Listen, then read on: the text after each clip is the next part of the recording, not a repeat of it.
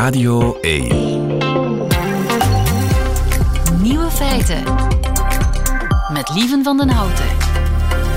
Dag en welkom bij de podcast van Nieuwe Feiten van maandag 18 december 2023. In het nieuws vandaag dat de nieuwe gouverneur van de Turkse Nationale Bank geen geld meer heeft om alleen te wonen. In juni stelde president Erdogan de nieuwe gouverneur van de Turkse Centrale Bank voor, Hafize Gaye Erkan. Een topbankier bij verschillende gigantische Amerikaanse banken. En ze woonde en werkte jarenlang in Manhattan, New York. Een zeer geschikte kandidaat dus om die centrale bank te gaan leiden. En dat is nodig, want de Turkse inflatie bedroeg in november 62 procent. De huizenmarkt is onbetaalbaar geworden. De goedkoopste appartementen in Istanbul liggen zelfs 50% boven het minimumloon. En dus zelfs voor de gouverneur van de centrale bank is het leven te duur geworden. Erkan kondigde dit weekend namelijk aan op de sociale media dat ze noodgedwongen bij haar moeder intrekt. Maar goed, de andere nieuwe feiten vandaag. De nieuwe Miss France heeft kort haar en dat is een shock. In Iran is een taxichauffeur gearresteerd omdat hij danste. De wasbereninvasie in Vlaanderen is begonnen. En in Londen gaat het gevecht tussen Harry en de pers onverminderd voort. De nieuwe feiten van Bas Birker hoort u in zijn middagjournaal. Veel plezier. Lieven van den Houten. Nieuwe feiten. Is de wasbereninvasie begonnen? Frederik Toelen, goedemiddag. Goedemiddag. Frederik, je bent eh, bioloog in het Natuurhulpcentrum in uh, Opglabeek. Waar zitten ze overal, de wasberen? In Zoersel, Ranst, Aalst, Tongeren, binnenkort wel in heel Vlaanderen? Ja, ik moet zeggen dat we, dat we wel oproepen binnenkrijgen over heel Vlaanderen, over alle provincies. zijn er zeker nog niet veel, maar we merken toch wel dat we de laatste jaren een toename uh, hebben van het aantal uh, meldingen van loslopende wasberen. Dat klopt. En moeten we daar nu blij mee zijn? Nee, eigenlijk niet. Walberen zijn super schattige dieren en zien er heel lief en zo uit, maar ze worden niet onterecht uh, beschouwd als invasieve uh, exoten. Dus ze staan op de lijst van Europese invasieve uitheemse soorten. Um, exotisch, omdat ze eigenlijk van nature voorkomen in, uh, in Amerika. Invasief, omdat ze schadelijk kunnen zijn voor inheemse natuur. En concreet betekent dat dat, er bijvoorbeeld al heel wat meldingen zijn in Wallonië, waar dat er veel meer zijn dan hier, van bosuil, nestkasten die, ja, die overgenomen zijn door wasberen. Er zijn al nesten van zwarte ooievaars en oehoes geroofd door wasberen. Dus ze hebben echt wel een, een bepaalde impact, een negatieve impact in onze natuur. Dus ondanks hun schattigheid zijn dat dieren waar we jammer genoeg niet echt blij mee zijn dat ze hier in onze natuur rondlopen. En zijn jullie die wasberen aan het vangen? Ja, dus we zijn niet aan het vangen. Dus vanuit Europa is elk land verplicht om iets te doen aan alle dieren die op die lijst staan, die Europese lijst, dus ook aan wasberen. Dus als er ergens een wasbeer opduikt waar dat die voorheen nog niet zat, dan is België verplicht om in te grijpen. En concreet betekent dat dat als er een melding is van een wasbeer in Vlaanderen, dat wij uh, die met uh, speciale live traps, zoals dat genoemd wordt, dus vallen waar dat die dieren levend in gevangen worden, dat we die dan gaan wegvangen. En hoeveel wasberen heb je zo al gevangen? Op dit moment hebben we een dertigtal wasberen bij ons zitten, uh, die zo goed als allemaal uh, in de natuur gevangen zijn. En 30, uh, dat klinkt als niet veel, of is dat veel? Of? Niet zo heel veel, maar we merken ook pas de laatste twee, drie jaar een toename. En dat gaat ook niet over tientallen meldingen uh, per week, dat gaat maar over sporadische meldingen. Maar we merken wel dat er een, een lichte toename is. En dat zie je heel vaak bij van, van dat soort dieren, dat dat eerst druppelsgewijs uh, waarnemingen binnenkomen en dan in één keer zetten die voet aan wal in een bepaalde regio en dan stijgt dat aantal exponentieel. En de bedoeling is eigenlijk een beetje dat wij die exponentiële stijging proberen voor te zijn. Uh, ik zeg wel duidelijk proberen, omdat dat natuurlijk niet evident is. Uh, ik denk wel dat we de meeste wasberen waar wij een melding van krijgen, gevangen krijgen.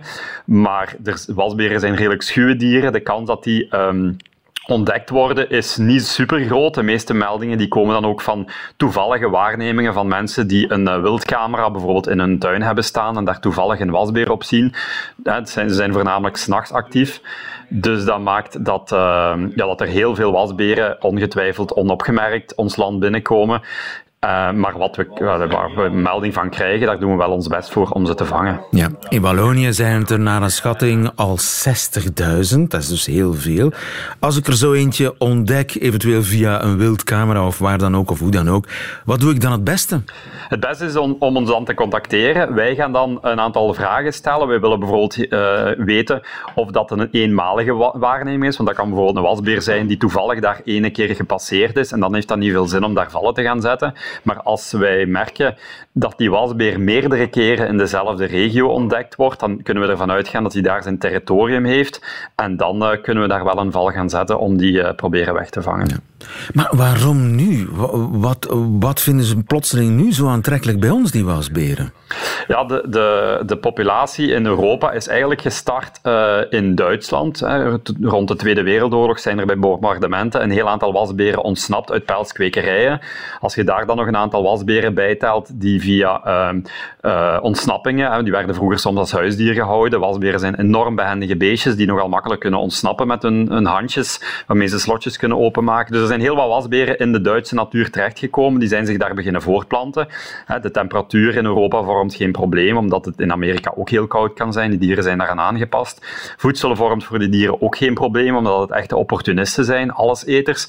Dus als dan een manneke en een vrouw elkaar tegenkomen, ja, dan is het prijs. Dus naar schatting zitten er nu een uh, miljoen wasberen in Duitsland. Die dieren kennen geen grenzen, die zijn langzaamaan opgeschoven. En nu zijn ze dus uh, sinds een aantal jaar aan de grens met Vlaanderen gekomen. En dat maakt dat, we, dat nu die uh, alertheid wat hoger is. En er zitten er nu een zestigtal bij jullie gevangen. Wat gebeurt er met die dieren? Uh, de bedoeling is dat wij die herplaatsen. Dus die, die, blijven eerst een maand in quarantaine, omdat wasberen wel bepaalde parasieten kunnen dragen. Die worden gecastreerd en gesteriliseerd, dat ze zeker geen jongen meer kunnen voortbrengen. En uh, na die maand quarantaine worden ze in de groep geplaatst. En van hieruit proberen wij ze te herplaatsen in dierentuinen of uh, opvangcentra. Dat is niet evident. En we hebben er in het verleden heel veel herplaatst, maar dat wordt natuurlijk altijd moeilijker en moeilijker. Maar zolang wij de ruimte hebben om die dieren op een diervriendelijke manier te kunnen wegvangen en, en houden bij ons, kunnen we met dat project blijven verder doen. En uh, ja, op dit moment uh, hebben we nog wel wat plaats, maar we weten natuurlijk niet of we dat uh, voor altijd kunnen doen, maar wat we kunnen helpen, proberen we wel te helpen. Frederik Toelen, als ik er eentje zie, een wasbeer, dan bel ik jou. Dan bel ik het Natuurhulpcentrum in Opklabeek. Dankjewel, nog een fijne dag verder. Dankjewel, fijne dag, bye.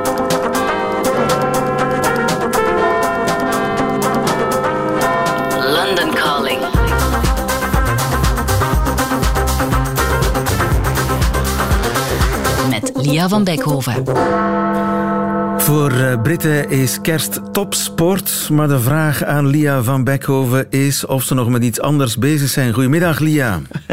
Goedemiddag, lieve. Zeg zijn ze nog met iets anders bezig dan uh, met kerst? Jawel, jawel. Er was echt uh, uh, zoveel opwinding in Londen afgelopen vrijdag. En dat had helemaal niks met uh, kerst te maken, die opwinding. Maar met een Britse rechter die net geoordeeld had dat prins Harry jarenlang is afgeluisterd door de Britse pers. En dat de hoofdredacteuren van de Mirror krantengroep en het bestuur van die groep wisten van die illegale activiteiten, maar het gewoon toestonden. Dus dan denk je, nou, daar zullen de kranten het weekend wel vol van staan. Maar nee, gek genoeg was er niks of bijna niks van terug te vinden op de voorpagina's van die Britse pers. Op uitzondering, ik geloof van The Guardian na. En uh, ik, ik luisterde toen naar uh, Sangita Miska, dat is een populaire radiopresentator. En die zei dat echt, het is absurd dat niemand er iets van zegt op de voorpagina's. Zij noemde het een samenzwering van stilte. In my humble opinion, as a journalist who's worked for many, many years, I would say that Harry's win yesterday should be on the front page of every single newspaper in this country. But lo and behold, it isn't.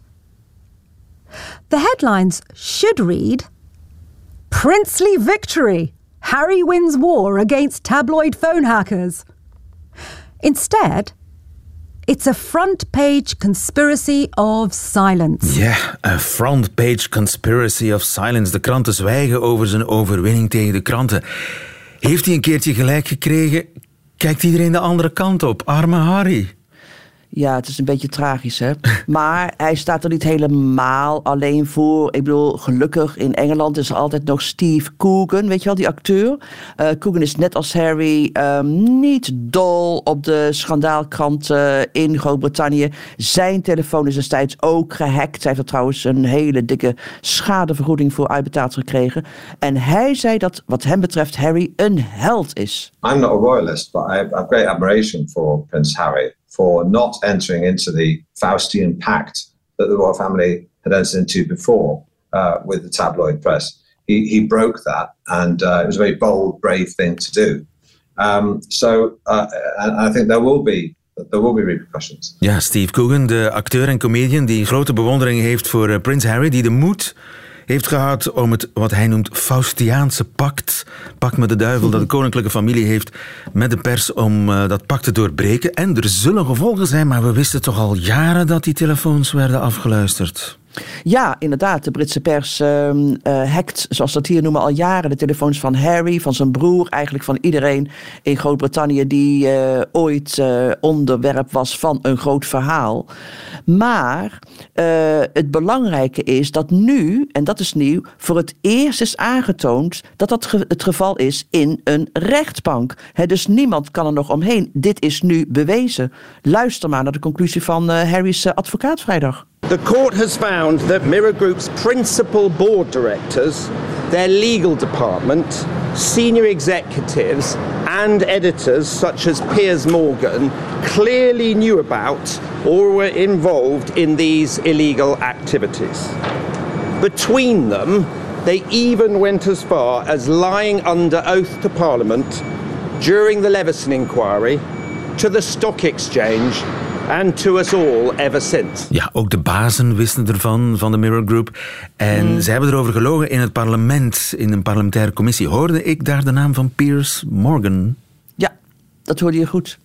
Piers Morgan, hè, de, de Britse mediapersoonlijkheid die, die nu in eh, Groot-Brittannië zijn eigen tv-show heeft, die was um, ooit in een grijs verleden hoofdredacteur van de Daily Mirror. Juist toen dat illegaal vergaren van informatie plaatsvond. En hij werd daar ook uh, een paar jaar geleden over ondervraagd. In een eerdere rechtszaak ook. En in het parlement inderdaad. En hij ontkende beide keren dat hij iets van telefoonhekken wist. My evidence is that I have no reason or knowledge to believe it was going on. But what, what did you yourself know from your own perception of what was going on? Did you see this sort of thing going on, Mr. Morgan? No. You sure about that? 100%. Ja, dus dat was in het uh, parlement dat uh, Piers Morgan zei dat hij absoluut niks wist van de illegale praktijken van zijn verslaggevers. Precies, en hij zei dat onder Ede. Hoewel hij twintig jaar geleden wel wist hoe je mobiele telefoons kon hacken. He, want dat was toen net bekend geworden. Dat was heel eenvoudig te doen, zoals hij toen destijds aan de verslaggever uitlegde. When they first came out mobile phones, journalists found out that if the celebrity hadn't changed their PIN code, Yeah, the, you right. can access their voicemail. You can access their voicemail just by tapping a number. Now, are you really telling me that journalists aren't going to do that? Yeah. Ja, dus bij die eerste gsm's, als de celebrities een pincode niet uh, had veranderd, kon je als journalist makkelijk bij hun voicemail komen. En dat ja. wisten alle journalisten, volgens Piers ja. Morgan. Dus ja. hij heeft eigenlijk over die kwestie dan gelogen onder eten. Dat heeft hij zeker. Nou. En hij kwam ook meteen met een, met een verklaring waarin hij reageerde op de uitspraak van de rechter met laten we zeggen, de nederigheid die we van hem gewend zijn? Prince Harry's outrage at media intrusion into the private lives of the royal family is only matched by his own ruthless, greedy and hypocritical enthusiasm for doing it himself. He talked today about the appalling behaviour of the press. But this is a guy who's repeatedly trashed his family in public for hundreds of millions of dollars, even as two of its most senior and respected members were dying his grandparents. It's hard to imagine, frankly, more appalling behaviour than that. Ja, pot verwijt de ketel. Harry beschuldigt de pers ervan de koninklijke familie te beschadigen, terwijl hij zelf niets anders doet dan de koninklijke familie beschadigen. Appalling, zegt Piers Morgan. Ja, Harry heeft um, uh, via zijn advocaat de politie en openbare aanklager opgeroepen om de zaak tegen mensen als Piers Morgan en andere betrokkenen nu te gaan onderzoeken. I respectfully call upon the authorities, the financial regulator, the stock market who were deliberately deceived by Mirror Group and indeed the Metropolitan Police and prosecuting authorities to do their duty for the British public and to investigate bringing charges against the company and those who have broken the law. Dus iedereen die de wet geschonden heeft, moet vervolgd worden. Dus dit is, uh, dit is nog niet het einde. Dit is absoluut niet het einde. Nee, uh, de Britse of de Londense politie heeft al gezegd dat zij inderdaad overweegt om opnieuw een onderzoek, een onderzoek te beginnen naar al die mensen die volgens prins Harry en zijn advocaten zich schuldig gemaakt hebben aan illegale activiteiten. Is de kwestie hiermee afgedaan wat de prins betreft? Geen sprake van. Harry heeft nog twee zaken lopen tegen twee andere grote krantengroepen die hem afluisterden en volgens hem zijn leven verpesten. Um, ja, noem het wraak, rancune. Harry zelf sprak een paar jaar geleden van een missie om het Verenigd Koninkrijk een eerlijke, verantwoordelijke media te geven. Een klus trouwens waarvan zijn vader destijds gezegd zou hebben dat het een zelfmoordmissie was. And I think again, what's happened to my wife and what's happened to us happens to so many people on a daily basis because of the British press, because of the racism, because of, because of the cronyism, because of the lies. So, you know, my father said to me that it was probably a suicide mission to try and change the press. Ja, waarschijnlijk een zelfmoordmissie, uh, maar voorlopig ziet het er nog redelijk goed uit voor Harry dan. Hij heeft nog twee rechtszaken te gaan die precies over ditzelfde onderwerp gaat. In hoeverre probeerden de Britse kranten aan zijn informatie te komen via onwettelijke methoden. Maar geloof maar dat die Britse kranten hem knijpen, inderdaad. Want deze overwinning van de Mirror kan nog grote gevolgen hebben voor het voorbestaan van die bladen. Want als Harry inderdaad kan aantonen, ook voor bij die andere kranten, uh, dat de kranten zich uh, beschuldigd hebben aan illegale praktijken, dan is dat niet alleen een overwinning voor hem, maar ook voor tientallen, misschien nog wel honderden meer mensen, die allemaal benadeeld zijn op dezelfde wijze en allemaal hun gelijk kunnen gaan halen door uh, rechtszaken en uh, enorme schadevergoedingen. Ja, there will be consequences, zoals de acteur zei, Steve Coogan. Lia van Beckhoven, dankjewel. Goedemiddag. Graag gedaan.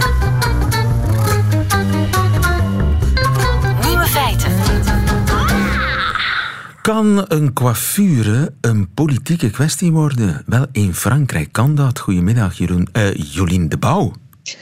Goedemiddag. Jeroen de Bouw ging bijna zeggen. Jolien, onze vrouw in Frankrijk. Over wiens uh, coiffure gaat het? Wel, die van Miss France. Miss France 2024 est et restera Miss Nord-Pas-de-Calais. Son nom c'est Eve Gilles, elle a 20 ans, mesure 1m70 et comme vous pouvez le voir, elle a les cheveux courts. Elle a les cheveux courts. Jolien, ze heeft kort haar. Le choc. Hè? Want voor het eerst dus in 103 jaar Miss France heeft Miss France nu geen lange golvende lokken, maar een uh, pittig kort koepje. En uh, dat is nog niet alles, want ze heeft ook geen uitgesproken vrouwelijke vormen, maar slechts een paar bescheiden rondingen. Oei. En dat is een groot, ja. uh, dat is echt le choc in Frankrijk. Dat is zeker op sociale media een, een kleine ramp, hè, want uh, dat heeft een hele storm veroorzaakt. Zo met dat kort haar en wat we dan een androgyne look zouden kunnen noemen, is Miss France dit jaar geen schoonheidswedstrijd meer, maar een woke-wedstrijd, zeggen boze twitteraars die dat dan ook gaan beweren dat dat expres gedaan is. Want uh, de publiekstem, hè, iedereen kan stemmen op die wedstrijd, uh, ging naar uh, Miss Guyane en Miss Guadeloupe. En die hebben wel golvende lokken, meer borsten en billen ook. Ehm, dus de conclusie is dat de organisatoren van Miss France op voorhand eigenlijk al beslist hadden dat die F. Moest winnen om dus eigenlijk te tonen dat de wedstrijd wel diversiteit promoot, wat dat vaak een verwijt is, vooral dan vanuit feministische hoek. En Eve Gilles, zo heet ze. Wat zegt ze zelf eigenlijk? Wel, zij zegt dat haar overwinning eigenlijk een overwinning is van de diversiteit. Ze is zich echt moeten gaan verdedigen. Uh, en ze heeft gezegd, ik wou er niet meer uitzien als een meisje-meisje. Maar kijk, ik voel mij wel op en top vrouw. Uh, ze heeft dan ook verteld over bodyshaming, over imperfecties. Ik vermoed dan wel dat ze het eerder heeft over uh, die kleine borsten dan over kort haar. Hè, als je dat al imperfecties kan noemen natuurlijk. Maar zij wil niet de geschiedenisboeken ingaan als de mis met het korte kapsel. Uh, maar bon, dat lijkt mij al licht mislukt nu. Ja, want uh, een kort kap, is dat dan zo gewoon een keurig kantoorkapseltje? Of hoe moet ik me dat voorstellen? Het is wat we een pixie noemen. Hè. Dus echt, ja langs, de, ja, langs de zijkant en langs de achterkant is dat mooi kort. En dan van boven is dat een mooi ja, een bolletje. Geen, geen jongetjesbolletje natuurlijk, maar het is netjes gekwaffeerd. Maar kijk, het is kort, het is boven de oren. En dat is een soort ja, MeToo-kapsel geworden. Ja, dat is een statement, een symbool van de vrijgevochten vrouw. dan ook dat plattere lijf, dat is dan ook de vrijgevochten vrouw. En toch vrouwelijk, zonder al die rondingen, zonder dat mooie golvende haar. Dus ze zeggen inderdaad, het is een statement, het is een symbool van MeToo, van woke. Ja, uh, Brigitte Bardot is, leeft nog, maar eigenlijk is ze nu doodverklaard, hè? ja, ze zal geen Miss Frans meer worden.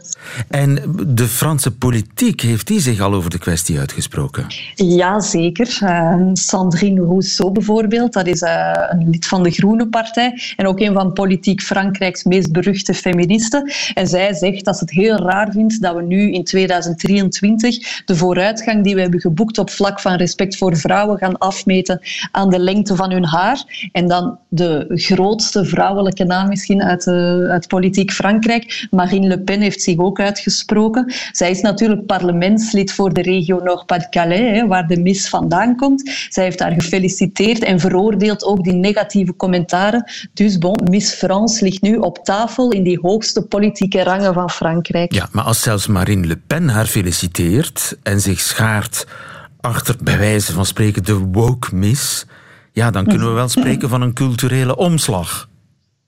Er is een culturele omslag, natuurlijk feminisme, uh, politici en Marine Le Pen niet voor het minste proberen dat natuurlijk wel een beetje naar zich toe te trekken en te tonen van kijk, wij, wij zijn hier ook wel mee bezig.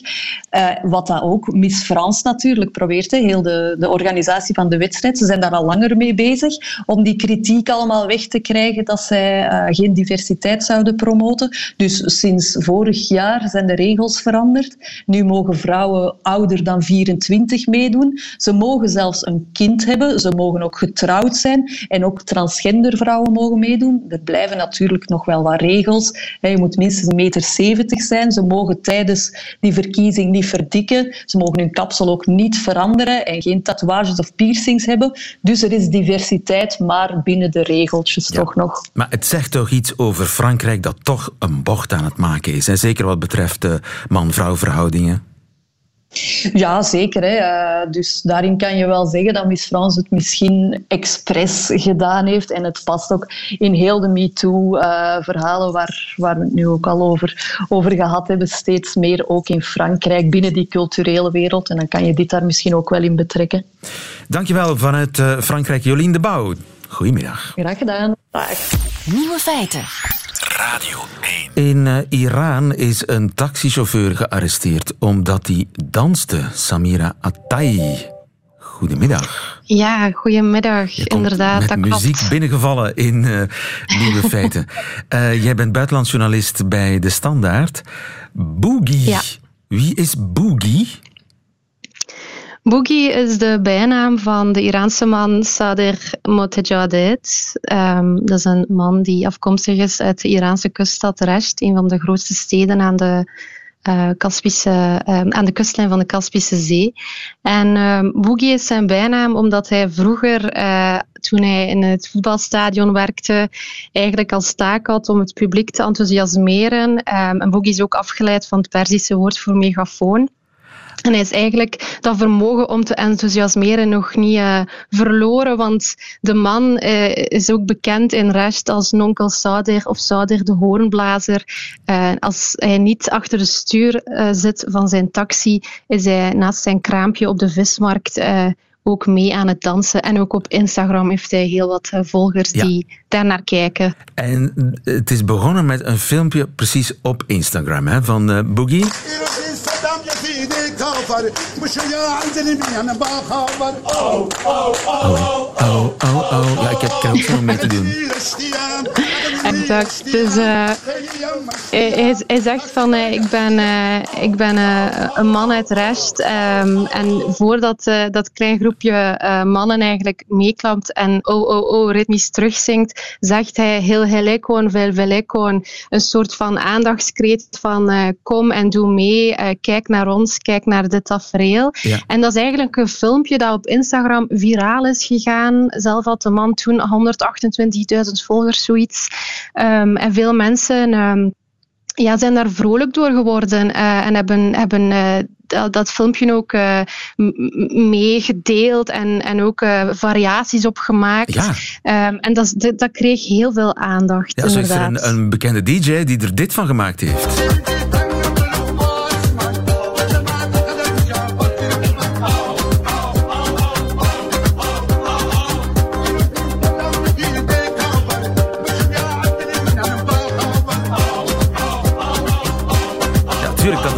Viraal is gegaan. Heel Iran was aan het uh, zingen, aan het dansen en het au, au, au. Ja, en nog meer zelfs um, nadat uh, de man begin december, dus niet zo kort nadat dat is viraal gegaan, is gearresteerd um, vanwege dus uh, zijn zijn aandacht, het feit dat hij zo'n Instagram-pagina heeft. Zijn profielfoto werd veranderd door een foto van de Iraanse rechterlijke macht. Al zijn foto's waren verdwenen en één melding bleef over, um, waarin stond van op deze pagina wordt criminele inhoud gedeeld. Dat is dus um, criminele dus inhoud wat we er net hebben gehoord.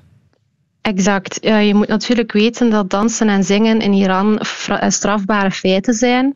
Ah ja, dat is waar um, En dat werd, dat werd massaal eigenlijk gedaan um, nadat um, Mahsa Jina Amini in, in september, excuseer, uh, september vorig jaar uh, stierf na ernstig politiegeweld. En dus dan had je die massademonstraties in Iran, waar onder andere heel wat vrouwen hun hoofddoek uh, thuis lieten. Maar ook, er werd massaal gezongen en, en gedanst op straat. En ook in filmpjes, herinner je de filmpjes van alle meisjes zonder hijab die op uh, op hip-hopmuziek aan het dansen waren of op popmuziek aan het dansen waren. En dat werd eigenlijk allemaal deel van een groot kunstzinnig verzet uh, tegen het regime. Uh, toen eigenlijk heel wat demonstranten ook de straten opkwamen um, om, om, om ja, het protest tegen, ehm, tegen het theocratisch bewind, waarin dus vrouwen door ernstig politiegeweld kunnen sterven. Dus dat is eigenlijk op zich al een reden in Iran om te zingen en te dansen uit protest.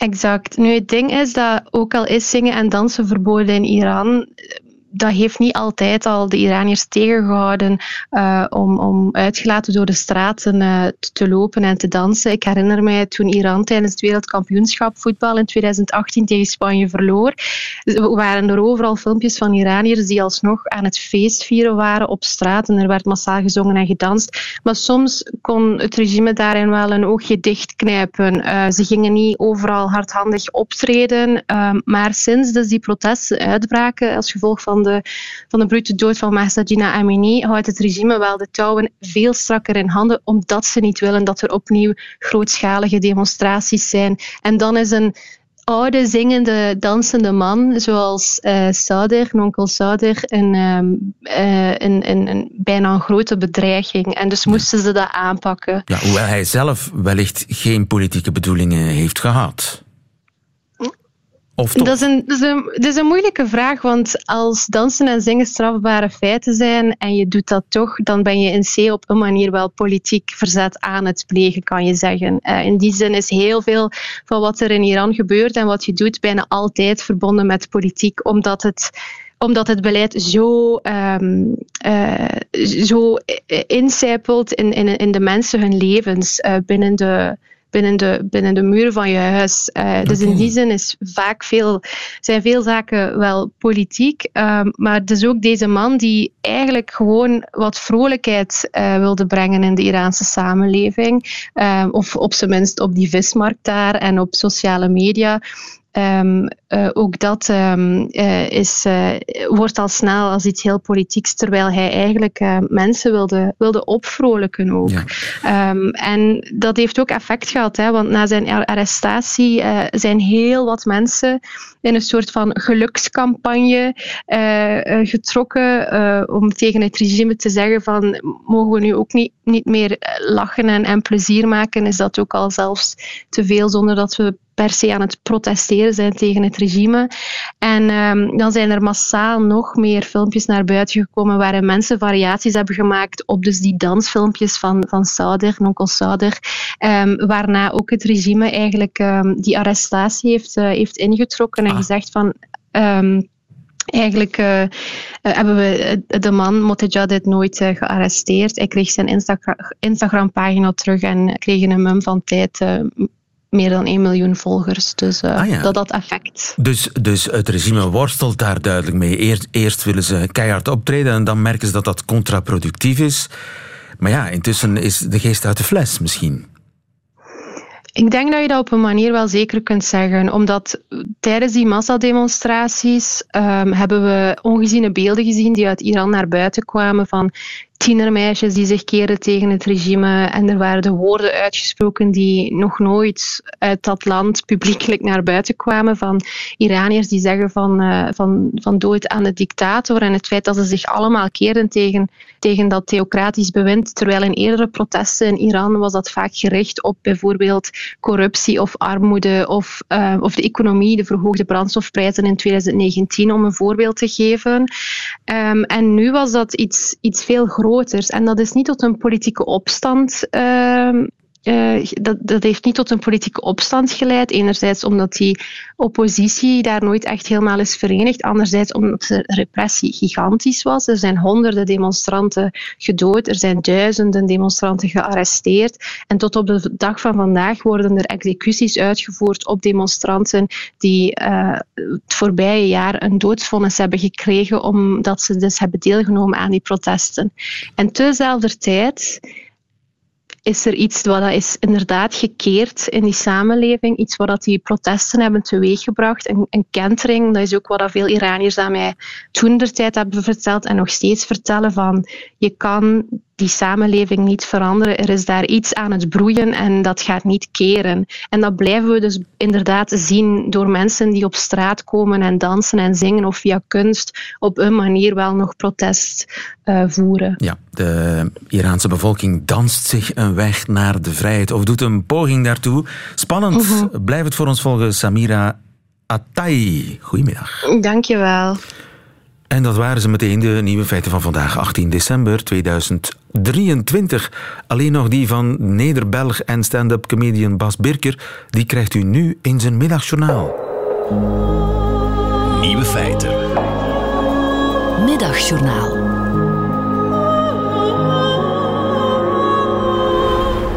Liefste landgenoten. Weet u nog waar u het verschil leerde kennen tussen links en rechts? Ik wel. De eerste keer zat ik in de kleuterklas van juffrouw Gerry. Trots kwam ik thuis en vertelde ik mijn vader dat je rechterhand rechts zit en je linkerhand links. Wijle mijn vader knikte bevestigend. Links is waar je duim rechts zit en rechts is waar je duim links zit. Ik deed alsof ik hem begreep. De tweede keer zat ik bij meneer De Veer van Geschiedenis in lokaal N1 van Rijksscholengemeenschap Koning Willem II te Tilburg. Links wil een grote controlerende overheid en rechts wil alles overlaten aan de markt. Wat politiek te maken had met kramen vol verse vis, begreep ik niet helemaal. Later leerde ik dat op die markt waar hij over sprak vooral gesmeten wordt met rotte vis. Gisteren was ik weer in de war. Tom van Grieken, de hoofdmarktkramer van rechts, was op tv. Hij vond het jammer dat hij veel problemen had aan te kaarten, maar dat hij, in plaats van daarover te mogen vertellen, tien minuten van zijn tijd moest verspillen om uitleg te geven over een partijlid dat zich had laten omkopen door de Chinese overheid. I got 99 problems, but Beijing ain't one. Huh? Wie? Hoe? dacht ik, alvast oefenend op mijn Kantonees. Als China invloed koopt in België om er zelf voordeel uit te halen, dan is dat toch goed nieuws voor Vlaams Belang? Want als het leven beter wordt in China, wordt de kans kleiner dat ze allemaal naar hier komen. En we worden overspoeld met grote porties vers bereid eten met een zeer schappelijke prijs-kwaliteit Chinezen, dat zijn toch communisten? Die zijn toch extreem links? Dat een Vlaams belanger overloopt naar NVA of God behoede Open VLD, dat wil ik nog begrijpen. Maar communisten die Chinees belastinggeld uitgeven om extreem rechts om te kopen, dat is wel een hele nieuwe kijk op de herverdeling van welvaart. Tom van Griek heeft gelijk, dacht ik. België is kapot. We zitten met een communistische nationalist een maand nadat we de racist hadden gevonden bij de socialisten. Mijn dochter dekte de tafel. Staat het zo goed, papa? vroeg ze. Een beetje naar links, liefje, antwoordde ik. Jouw links of mijn links? zei ze. Ik weet het niet meer, liefje, zuchtte ik en ik legde mijn hoofd in mijn handen. Wacht eens even. Links is helemaal niet waar je duim rechts zit. Rechts is gewoon rechts. Als je maar je handen open houdt.